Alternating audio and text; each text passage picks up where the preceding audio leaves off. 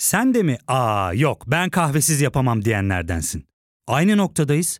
İlk ve tek kahve üyelik uygulaması Frink'le tanış. Hem bütçeni koru hem de hiç bitmeyen kahvenin tadını çıkar. Yakınlarından terapinin onlara ne kadar iyi geldiğini dinlesen de kendin için bir şeylere başlamak zor geliyor olabilir. Ya da sevdiklerine yardım etmeye istekliyken kendi ihtiyaçlarını görebilmek. Hayvel, uzman psikologlarıyla kendi ihtiyaçlarını bulmanda sana destek olacak. Terapi yolculuğuna başlamak için detaylı bilgi bölümün açıklamalarında. Soğuk Savaş dönemini hatırlayanlar ya da o döneme ilişkin filmler izleyenler her alanda Amerika Birleşik Devletleri Rusya kapışmasını hatırlar. Uzay yarışı, nükleer silah yarışı, ajanların binbir türlü marifetleri karşılıklı. Sovyetler yıkılınca Soğuk Savaş biter diye düşünüldü ama beklendiği gibi olmadı. Arkanıza yaslanın. Amerika Rusya arasında son durumu ele alıyoruz. Trend Topi'ye hoş geldiniz. Ben Nevşin Mengü.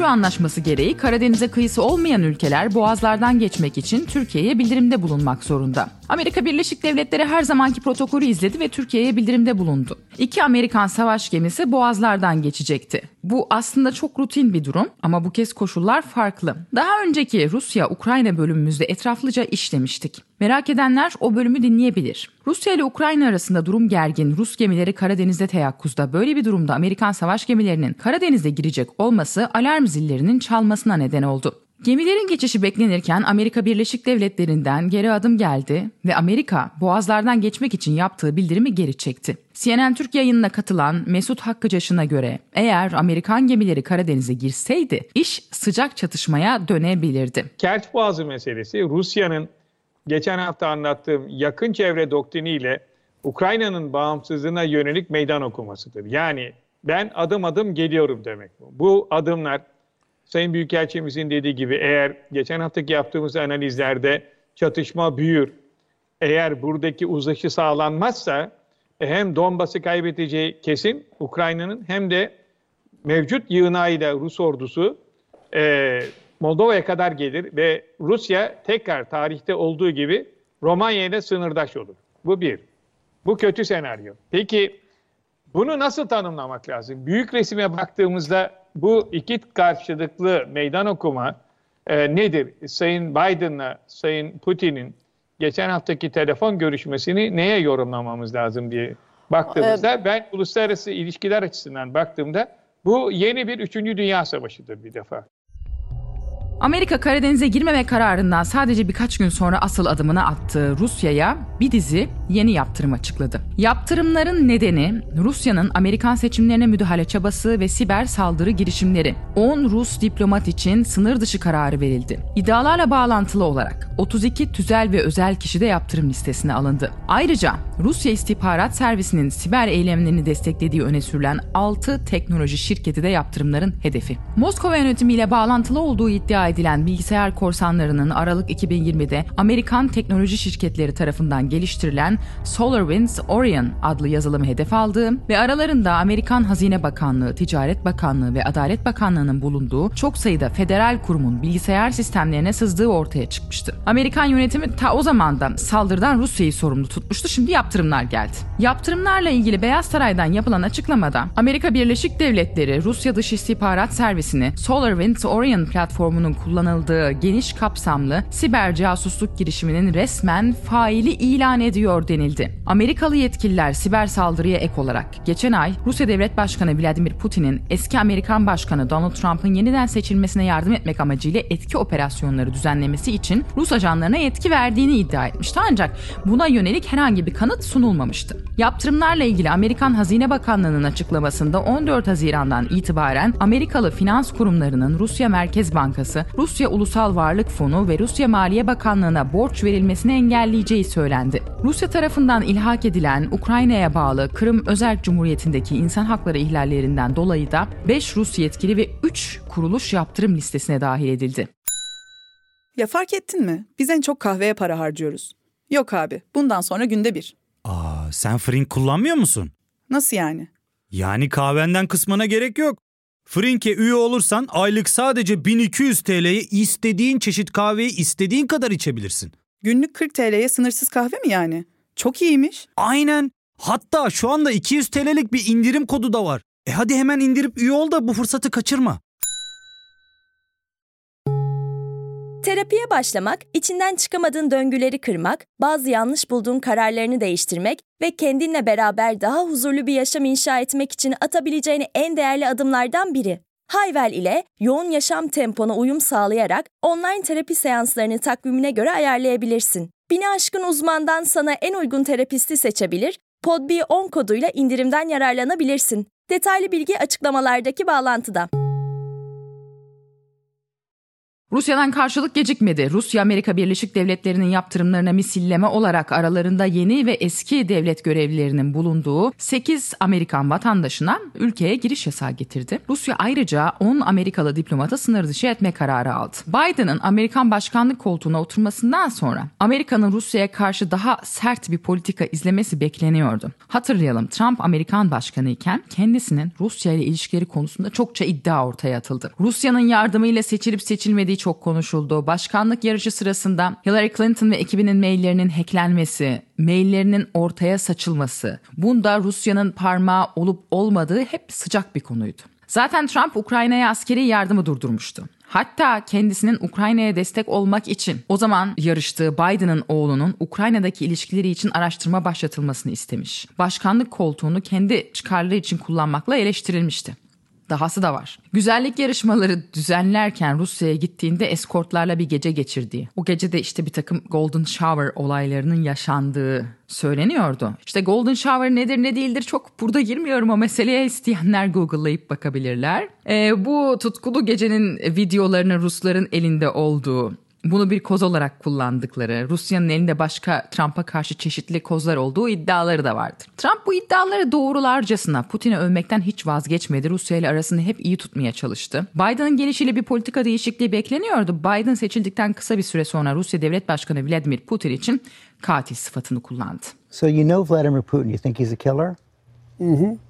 I do. Rusya'nın tabii sadece bu tür meydan okumalara karnı tok. Rusya'da demokratların yönetimindeki Amerika ne kadar ileriye gidebilir onu görmek istiyor. Profesör Doktor İlhan Uzger'le Mühtan Sağlam Gazete Duvar'ın YouTube kanalında bu meseleyi masaya yatırmışlar. İki uzman Amerika'nın aslında Rusya'yı kendi tarafına çekmeye çalıştığı konusunda konuşuyorlar. Yani Çin'in yükselişi zaten hani dünya sisteminin kimyasını bozdu.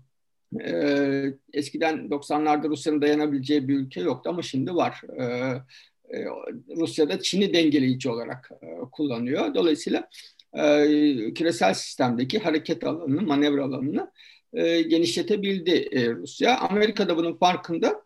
E, temel derdi Amerika'nın e, Rusya'yla e, çatışma değil, e, Rusya'yı yanında tutma e, aslına bakarsan.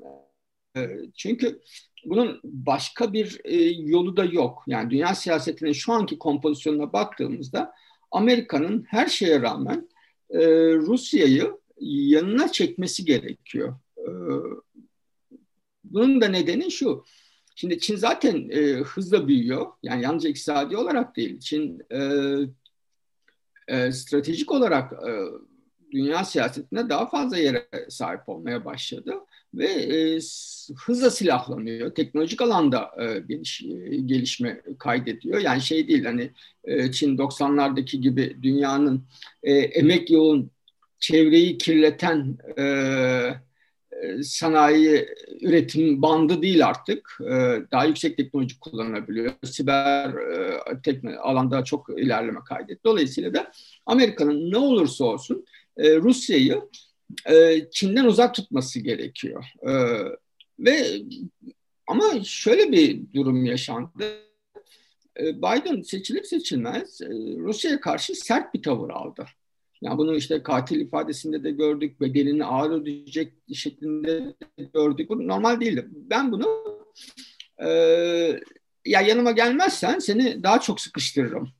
Hani zor olur senin için. E, yani Rusya'yı doğrudan sıkıştırmak değil de e, sıkıştırarak yanına çekmeye zorlamak olarak e, gördüm. Ve sanırım böyle de gidiyor. Bu gerginlik yalnızca Rusya ve Amerika arasında sınırlı kalmaz. Karadeniz'e Amerikan gemileri yerine İngiliz e, gemileri çıkma hazırlığında onu belirtelim. The Sunday Times İngiltere'nin Mayıs ayında Type 45 Destroyer ve Type 23 sınıfı fırkateynleri Karadeniz'e göndereceğini yazdı. Gazete İngiltere Kraliyet Donanması'nda bir yetkilinin açıklamasına dayandırdığı haberinde gemilerin NATO ve Ukrayna'ya yönelik dayanışma göstergesi olarak bölgeye gönderileceğini aktardı. Haberde Type 45 tipi destroyer'in uçak savar füzeleri Type 23 tipi fırkateynin ise denizaltılara karşı savunma silahlarıyla donatılacağı ifade edildi. Gazeteye göre gemiler Mayıs ayında Karadeniz'e geliyor. Avrupa bu gerginlikte nereye oturur? Bu sorunun yanıtı çetrefilli. Almanya Başbakanı Angela Merkel denge politikası yanlısı Rusya'ya sert yaptırımlara taraftar değil. Ancak Almanya genel seçimlere gidiyor.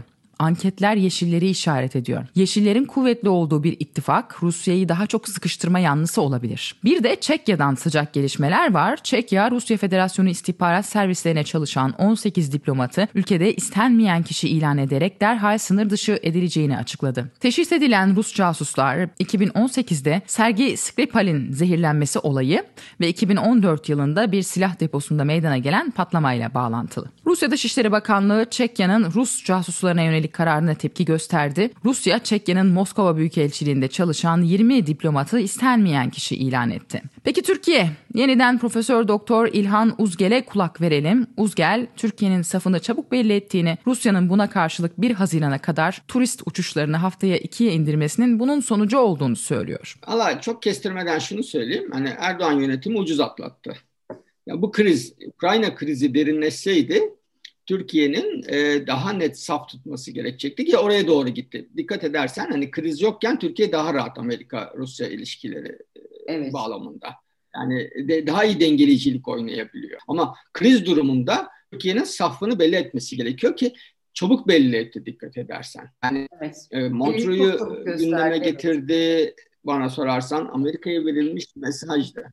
Çünkü Montre tartışması durup dururken çıkmadı. Yani Amerika'ya şunu söylemiş oldu aslına bakarsan.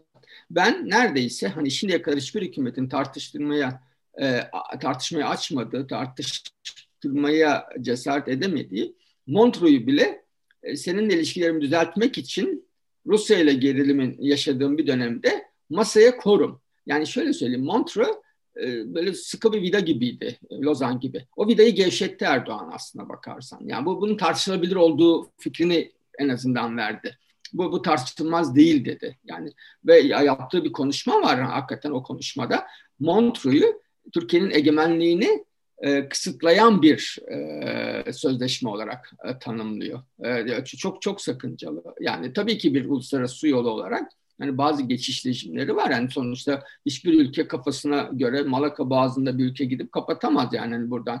E, bu küresel bize fayda, bizim de Türkiye'nin de faydalandığı bir şey bu. Küresel bir ilke bu hani uluslararası dair.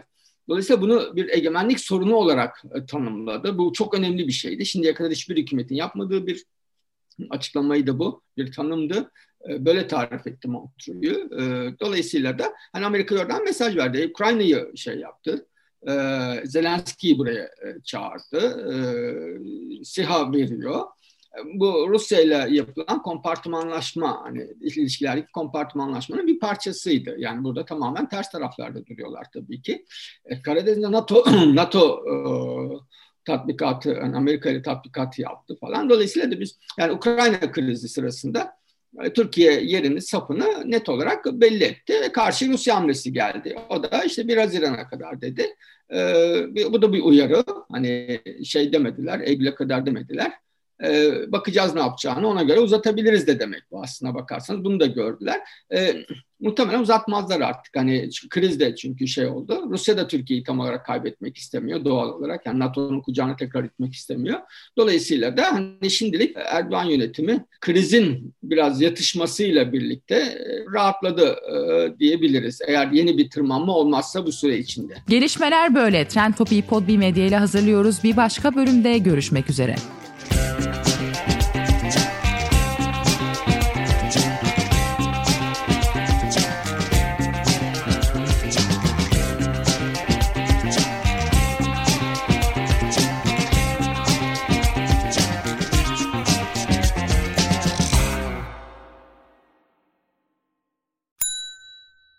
Ve tek kahve üyelik uygulaması Frink, 46 ildeki 500'den fazla noktada seni bekliyor.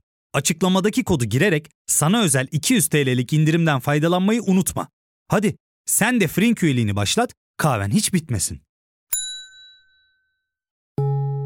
Hem bugününe hem yarınına katacaklarıyla terapi yolculuğuna ve daha iyi hissetmeye bugün Hayvel ile başla. Açıklamadaki linkten Hayvel'i indir, ücretsiz tanışma görüşmelerinin ardından bütçene uygun seans paketini seç ve terapi yolculuğuna başla.